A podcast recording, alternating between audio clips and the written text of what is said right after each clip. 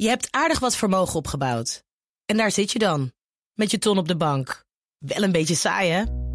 Wil jij, als belegger, onderdeel zijn van het verleden of van de toekomst? Bridgefund is een slimme fintech die een brug slaat tussen de financiële behoeften van ondernemers en van beleggers. Dus wie belegt bij Bridgefund krijgt niet alleen een mooie vaste rente, maar brengt ook ondernemers in beweging. Echt waar, met die ton kan je zoveel betere dingen doen. Bridgefund. Make money smile. Dat vind ik wel heel grappig. Gewoon een, als je random microfoon airtight krijgt, dat je hem dan wil benutten om iets onaardigs over Mark Rutte te zeggen. Nee, ja, dat mag. dat ja, is dat niet mag. per se wat Ja. ik bedoel. Ik heb vandaag de Ik ben halve heel dag... benieuwd. Ik wil jou ook wel eens een keer sneer, sneer horen zien geven. Dan word jij op Twitter aangevallen. Zit niet te wachten op de mening van Mark Beekhuis over Mark Oké, sorry. Het is niet per se eens mijn mening. Ik heb vandaag naar het eh, debat zitten kijken over de regeringsverklaring. Ja. En er is niets veranderd aan hoe Mark Rutte met de Tweede Kamer praat. Ja. En wij hadden een nieuw elan en een nieuwe bestuurscultuur beloofd gekregen van de goede man. Echt waar. Wat zei hij dan? Wat deed hij? Hij deed een trucje wat hij al heel lang doet. Ehm, De Kamer wil iets met hem veranderen aan de plannen die voorliggen. Dat deed hij met de algemene, beschou- algemene beschouwingen. Dat is nu met de regeringsverklaring weer.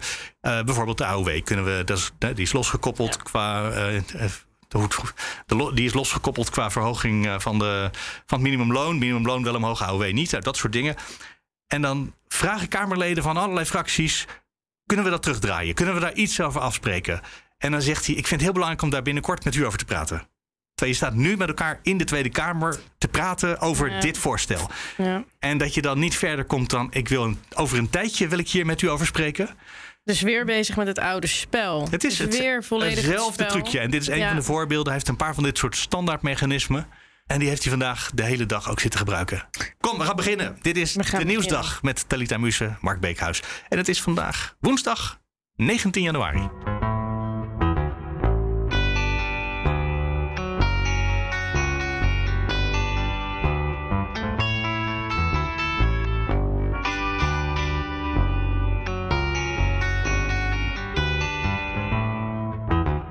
Met vandaag nieuws over de kapsalon theater Ja, hoe is het gegaan? Want ik heb het niet zo goed meer gevolgd. Er zijn een paar theaters die hadden zich wel aangemeld. Ja.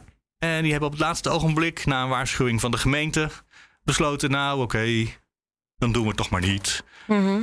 Dus die zijn eigenlijk uit vrees voor.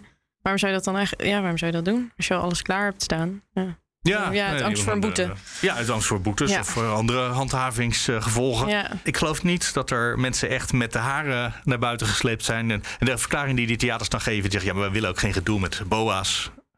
En eh, ja, jij zei net al, mag ik ook eens een sneer geven? Ja, ik vind het toch zwak. Ik weet wel dat het niet mag. En dat er op Twitter geklaagd werd dat wij vonden dat mensen opgeroepen werden om tegen de wet in te gaan. ja, vind je dit een goede vorm van burgerlijke ongehoorzaamheid? Nee, ik vind het handhaven op zaterdag met de winkels wel, of eh, niet bedoel ik. En vandaag met de theaters wel, dat vind ik eh, slecht. Ik vind dat overal eigenlijk er, er bovenmatig veel. We gaan het zo meteen ook nog hebben over de politie. Ja. Maar ik vind dat er bovenmatig veel gehandhaafd wordt. En dat er bij alle demonstraties inderdaad, ehm, of het nou eh, het woonprotest is of de coronademonstratie is of wat dan ook, vind ik dat er eigenlijk overal gewoon al bovenmatig veel controle, handhaving en optreden van de autoriteiten is. Ander verhaal. ander verhaal is dat de ja, dramatiek rondom RTL eh, en The Voice maar door blijft gaan. Morgen is natuurlijk de uitzending van Boos. Dan Ja. weten we echt alle feiten. Want die hebben, moet echt ook even gezegd worden, die blijven gewoon heel rustig. Het is nu al dagenlang natuurlijk heel veel sensatie. En ze gaan er eigenlijk niet in mee. Ze zeggen gewoon, wacht tot de uitzending van donderdag. Dan zien jullie alles. Vind ik moet gezegd worden. Compliment aan Oh, ja, ik team het van juist Boos. wel heel veel verstoring die ze in het land maken, zonder nog te vertellen wat nee, maar het nou zij hebben die precies is. storing niet. Zij hebben gewoon hè, andere mensen hebben naar boven gehaald van nou daar gaan dingen gezegd Ja. worden en dan eh nou goed. Het is een YouTube Nieuwskanaal en weet ik veel wat, maar dus zij- Ze hadden het gewoon alvast online kunnen zetten. Maar goed, Oké, nou ik dacht complimenten voor de ingetogen. Ja, voor de eh, ingetogenheid. Eh, maar nu vandaag is gebleken dat er ook een tweede aangifte wordt gedaan naar Ali B. En dat RTL als reactie daarop ook de samenwerking nu eh, met Ali B opschort. Dat ze dat nog niet gedaan hadden. Nee, dat, dat hadden ze nog niet zo gezegd, inderdaad. En nu blijkt dat er een tweede aangifte is. En nou, dat geeft toch wel aan, het is, het is, ja, het is echt wel substantieel wat er ligt aan, aan bewijsmateriaal. We gaan het morgen natuurlijk allemaal nog meer zien. Maar Ja. een, een, Hoe laat twe- komt een tweede persoon online heeft meestal? zich gemeld. Eh, meestal einde middag. Dus rond een uur, volgens mij rond een uurtje vier, vijf Dus als zo morgen de we... podcast wat later online gaat, dan zitten we nog even te kijken. Ik denk dat dit de best beleven, eh, bekeken aflevering ooit gaat worden van, eh, van Boos. Dat is best groot. En de kans is ook vrij groot dat, er nog meer, dat het nog meer stof gaat doen oplaaien. En dan gaan we naar, Engeland. Daar ook een, een, een rel gaande is tot in diep daar eh, in de politiek. Ja, dat gaat over het vertrouwen, wat er helemaal niet meer is onder politici in Boris Johnson. Dat hadden we, gisteren hadden we het ook al even over. Ja, En eh, vandaag is er voor het eerst een van zijn partijgenoten geweest. De, Bij Mhm. de, de, de oppositie willen ze hem sowieso weg, al een tijdje. Maar voor het eerst is een van, zijn, eh, van de Kamerleden van zijn eigen partij geweest... die hardop in het parlement zei... u zit hier al zo lang, het wordt niet tijd om weg te gaan. en dit heeft allemaal te maken met het feest, hè? Wat ze, Dit is, de, ja, de feestjes het die er zijn feestjes. geweest. Ja. En de verklaring gisteren die hij gaf... eh, dat hij niet wist dat er coronaregels waren. Kan je wat laten horen? I expect my leaders to shoulder the responsibility for the actions they take. Yesterday, he did the opposite of that. So I'll remind him of a quotation altogether too familiar to him of Leo Amory to Neville Chamberlain. You have sat there too long for all the good you have done. In the name of God, go.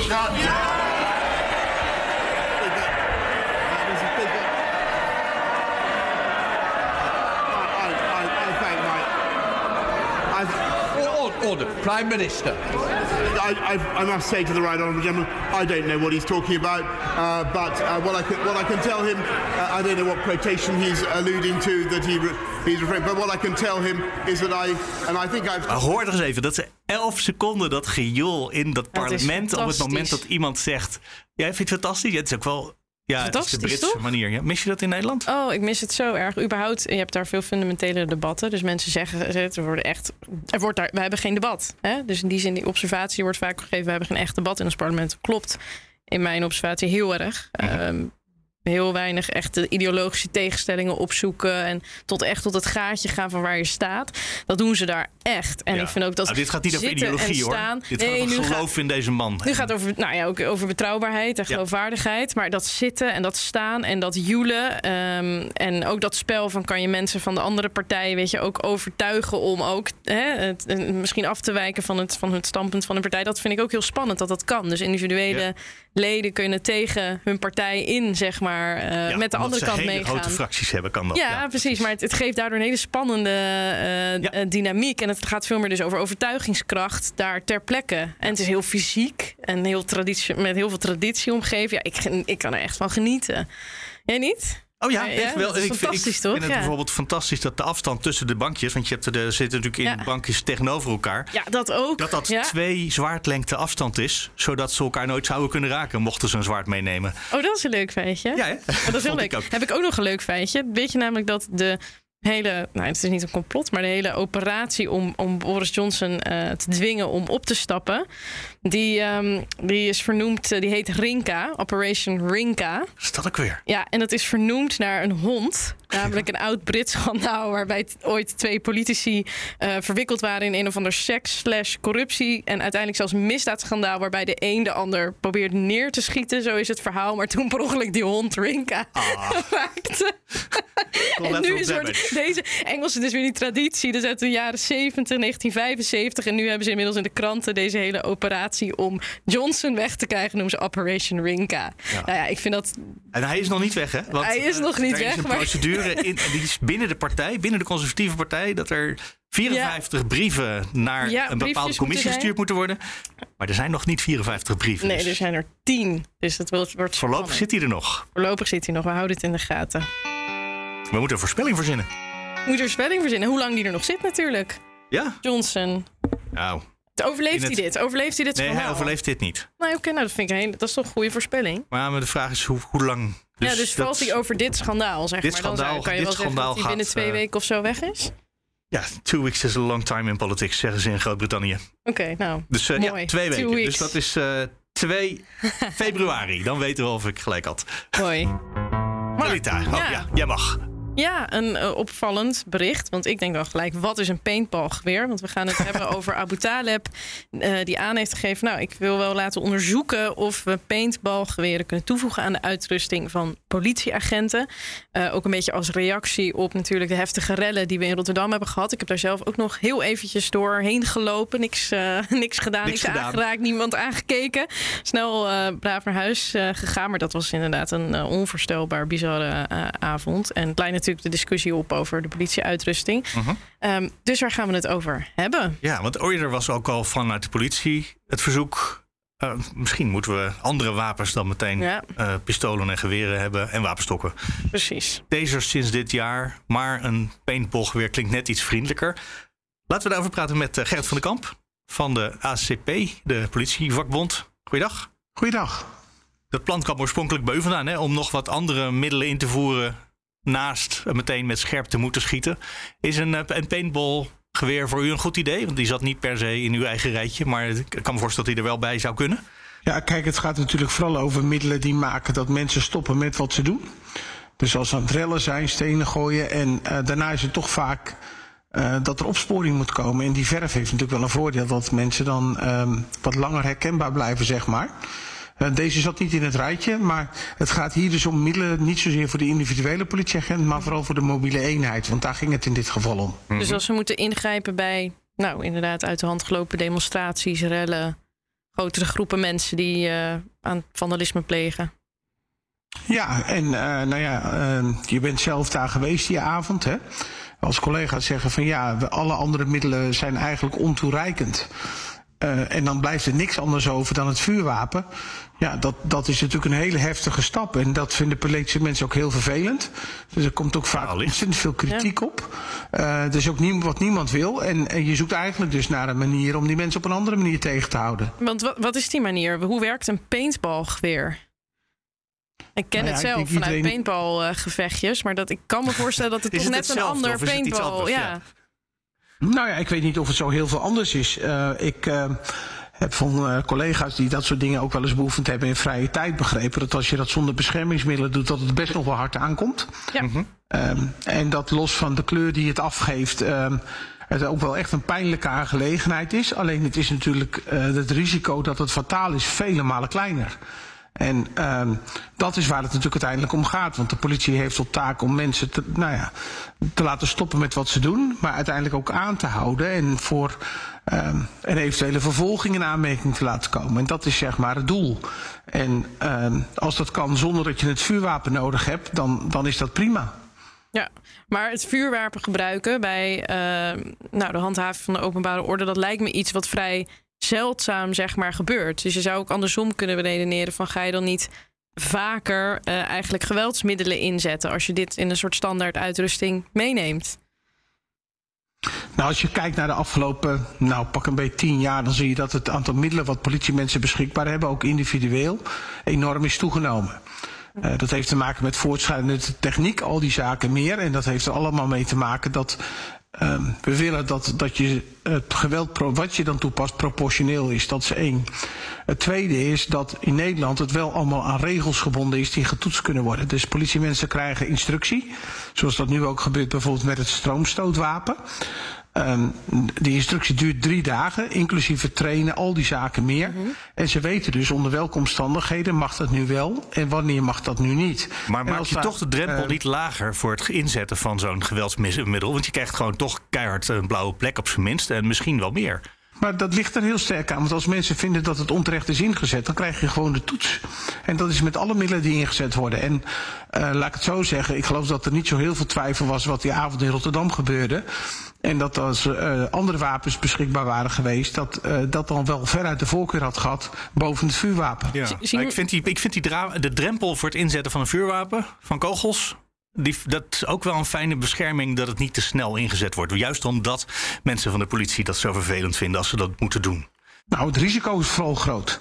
Uh, de andere kant is, politiemensen moeten hun werk kunnen doen. En je ziet dus ook, als je mensen niet op tijd kunt stoppen... en ze gaan wel door met grootschalige vernielingen... Dat kan ook reden zijn om dan te zeggen: ja, maar dat gaat ook veel te ver.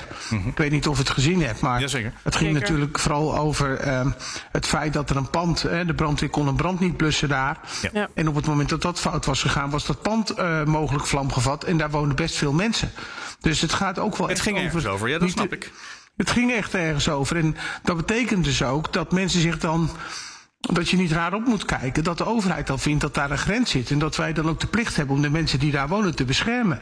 Want het gaat er niet zozeer om of die drempel wel of niet hoog is. Het gaat erover welk risico is er nu als je dat ingrijpen niet doet. Kan u dat nog verder dat uitleggen? niet- Welk risico heb je dan als je, dat, als je dit niet doet? Wat is dan nou, stel je voor de ze mensen op hadden de die ingreep niet gedaan. Ja. En ehm, dat pand was in de fik gegaan. Dan zou politiemensen zelfs nalatigheid verweten kunnen worden. Ja. Want in de ambtsinstructie staat niet alleen maar wanneer je het mag toepassen, maar we zijn zelfs wettelijk verplicht om geweld toe te passen. Ja, als dat Zij nodig is. proportioneel. Omdat op het moment dat derden daardoor in gevaar komen en je bent daar nalatig in, dan kan je dat ook verweten worden. Hoe je het ook went of keert, je moet dan politiemensen wel de middelen geven en de tools geven Ja. Om dat op de gepaste wijze te doen. En in Nederland ehm, vinden we dat geweld wat er dan gebeurt met die rellen allemaal verschrikkelijk. Maar op het moment dat er dan opgetreden wordt, dan vinden mensen daar ook in Nederland. Vinden we ook verschrikkelijk, ja, natuurlijk. Zien we, zien we een dus, sterke... dus, eh, ik stel voor dat jullie je mind opmaken van wat wil je nou, zeg maar, soort van. Nou, Ja. eh, mag ik iets voorleggen? Wat ik heb vanmorgen even gebeld ook met eh, Otto Adang, eh, politieonderzoeker bij de politieacademie.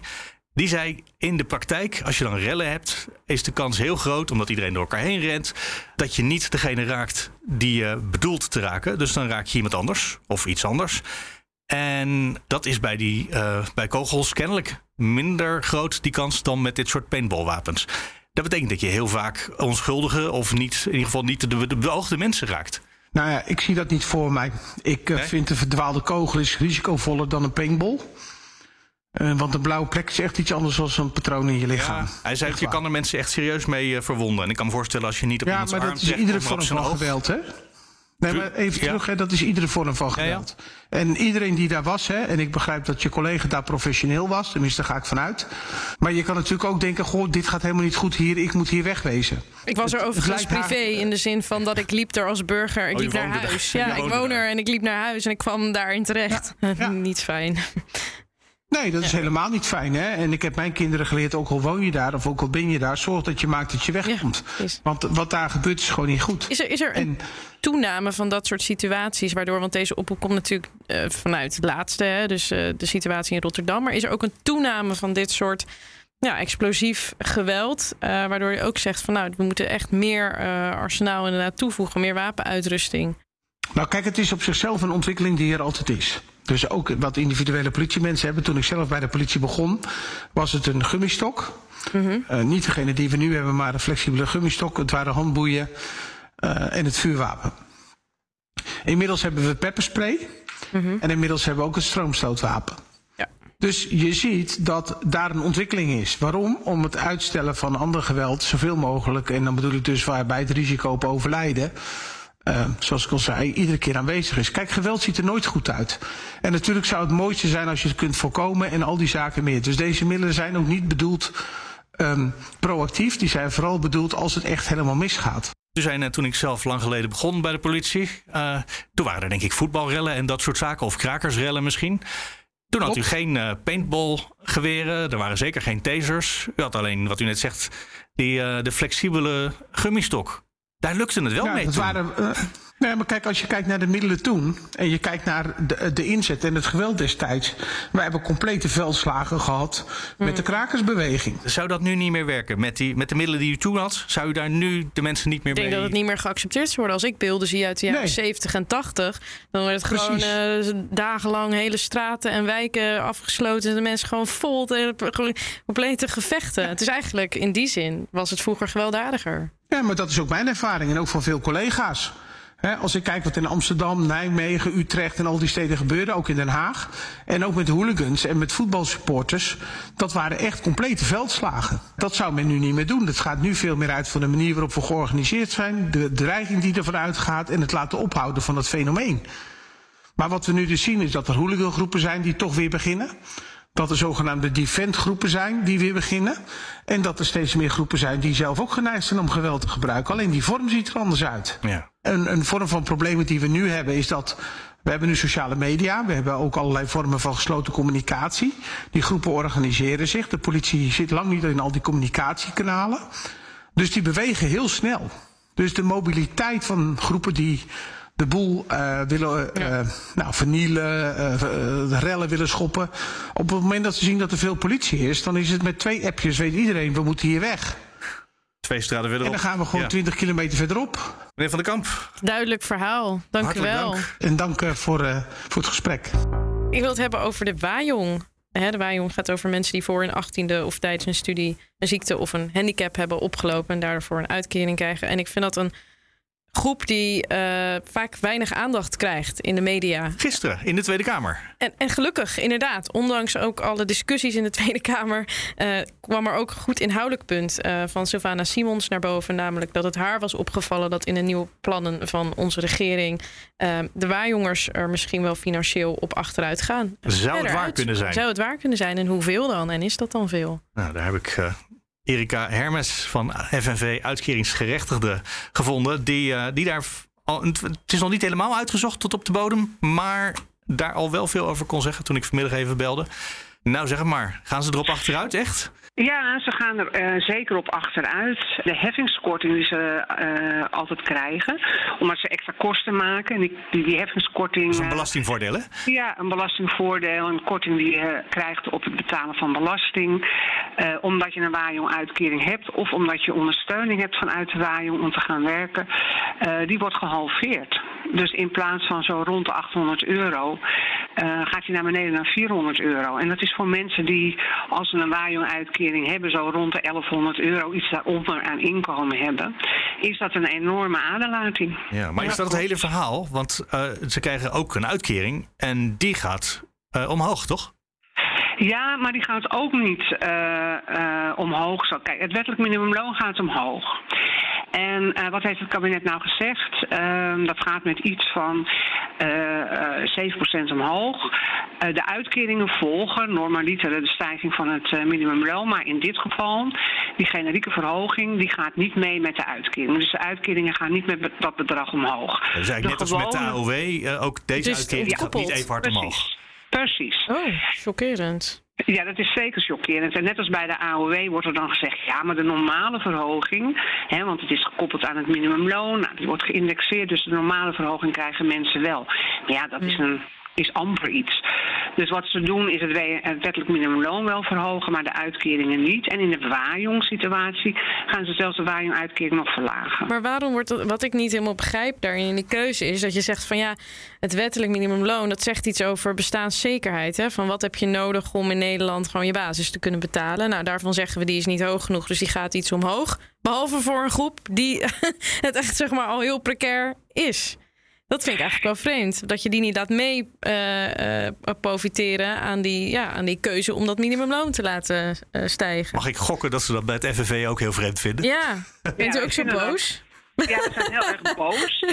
um, Vinden wij het vreemd? Nou ja, het erg is dat wij dat niet eens meer vreemd vinden. Want uh, onder uh, de verschillende kabinetten Rutte is het, is het al heel vaak gebeurd dat waarjongens gepakt werden. Uh, er is een poging gedaan om in plaats van loonkostensubsidie loondispensatie te geven, zodat ze onder het wettelijk minimumloon moesten gaan verdienen. Nou, die, die strijd hebben we gewonnen. Er is een vereenvoudiging waarjong geweest en dat betekent dat als mensen een medische urenbeperking hebben, ze eigenlijk niet meer het wettelijk minimumloon kunnen gaan verdienen aangevuld worden tot dat wettelijk minimumloon. Dus er zijn allerlei kortingen al op die WAJO-uitkering geweest. Dus het erge is dat ik het niet eens meer vreemd vind, maar dat ik meer zoiets krijg, oh god, daar gaan we weer. Ja, want het gaan, is een kom, gaat u nu met tractoren naar het Malieveld? Uh, want dat maakt altijd nog indruk in Den Haag. Nou, we zijn wel niet naar het Malieveld geweest, maar we zijn wel een aantal keren ook naar het Binnenhof geweest. Um, en dat maakt dan altijd wel indruk. En dan hoor je politici ook zeggen dat ze het allemaal vreselijk vinden. Maar ja, onder de, de, de laatste kabinetten zijn uh, de verslechteringen toch gewoon doorgegaan. Maar voor nu, nog... want nu gaat u dus echt op, erop achteruit. In ieder geval in vergelijking tot het minimumloon. Ja. Uh, nou, niet u, maar de mensen die zo'n uitkering hebben. Ja. Uh, zitten er nu dat soort acties aan te komen? Nou, we gaan zeker uh, actie voeren. We hebben het gisteren over gehad van hoe gaan we dat doen in tijden van corona. Uh, de vorige keer hebben we, uh, ze hebben ervoor gezorgd dat we trending topic op Twitter werden. Hebben we ervoor gezorgd dat de Eerste Kamer de vragen over ging stellen. Dus we zitten heel erg aan dat soort digitale acties te denken. Zodat ook mensen die, ja, die toch in rolstoelen zitten of zich moeilijk kunnen vervoeren, daaraan mee kunnen doen. En we zijn ook wel van plan om een brede coalitie met Wij staan op, met iedereen en zo proberen te vormen. Om een breed verzet hier weer tegen te organiseren. Het klinkt toch een beetje vriendelijk. Een, een, collega van mij die zei: Je kan gewoon tractoren huren hoor. Dat kan per dag. En, uh, en tot nu toe maakt dat echt indruk in Den Haag steeds. Je hebt het wel echt vandaag heel erg van de tractoren. Ja, nou, omdat dat de enige is waar de regering tot nu toe naar lijkt te, eh, de vorige regering steeds naar leek te luisteren. Nou, wij hebben er wel een keer heel erg last van gehad. Toen hadden we een Wajong-actie. Toen uh, boden we brood en water aan aan uh, de politici in uh, de Tweede Kamer... die ook weer een verslechtering hadden voorgesteld. Maar toen was er ook die actie van de tractoren. En toen kwamen we er niet langs om onze actie te voeren. Nee. Dus in die zin hebben we wel een soort verbinding met de tractoren. ja. Maar ik zie ons nog niet onmiddellijk met tractoren naar het nee. Maar krijgt u nou veel belletjes of mailtjes van waarjongers die zich om hun persoonlijke situatie zorgen maken? Ja, die... zeker. Ja. ja. En je ziet het ook op social media, op Twitter, uh, de verontwaardiging. Uh, uh, er is maar ook de zorgen van, ja, ze kunnen nu amper rondkomen. De inflatie is natuurlijk ook mega groot. En mensen zijn heel erg ongerust. Maar ook wel het gevoel van, want het zijn mensen die zich niet hebben kunnen verzekeren. Het is niet van... Ehm, ja, ze hebben nooit uh, betaalde arbeid gedaan. Ze hebben nooit arbeid gedaan. Ja. Ze hebben daarvoor zijn, zijn hiervan afhankelijk. Ja. ja, het ja. gaat om mensen met een geboren uh, beperking. Mensen die een jeugdkanker hebben gehad. Mensen die een ernstig ongeluk hebben gehad. Um, en die amper meer een zelfstandig bestaan kunnen opbouwen. Nou, we wensen jullie een goede actie, uh, denk ik sowieso toe. We gaan niet het... met tractoren, maar niet we gaan met... wel iets bedenken. Helemaal Erika Hermes van FNV Uitkeringsgerechtigden. Hartelijk dank. Bedankt. Oké, okay, tot ziens. En we zijn alweer aan het einde van deze podcast voor vandaag. Ik denk dat we vandaag gewoon nog een keer vragen.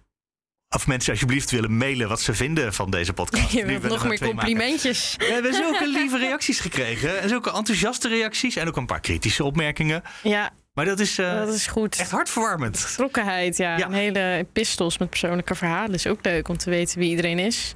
Heel, heel fijn. Dus uh, twitteren naar de Nieuwsdag. Mailen naar de nieuwsdag.bnr.nl of het Talita Musse. Socials, zowel Instagram, Twitter, TikTok heb ik ook aangemaakt. Dus binnenkort ook BNR dansjes. Ja, ga je dan dansjes doen? Dan, nee, dat doe ik echt niet. Hou op. Maar uh, daar kan je wel uh, ook leuke behind the scenes beelden bekijken. Tot morgen. Doei.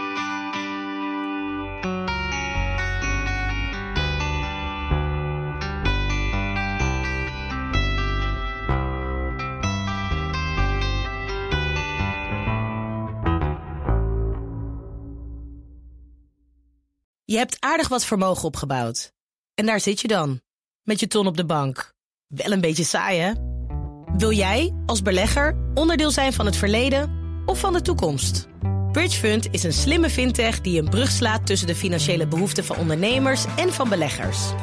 Dus wie belegt bij Bridgefund krijgt niet alleen een mooie vaste rente, maar brengt ook ondernemers in beweging.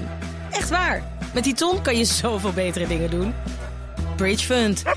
Make money smile.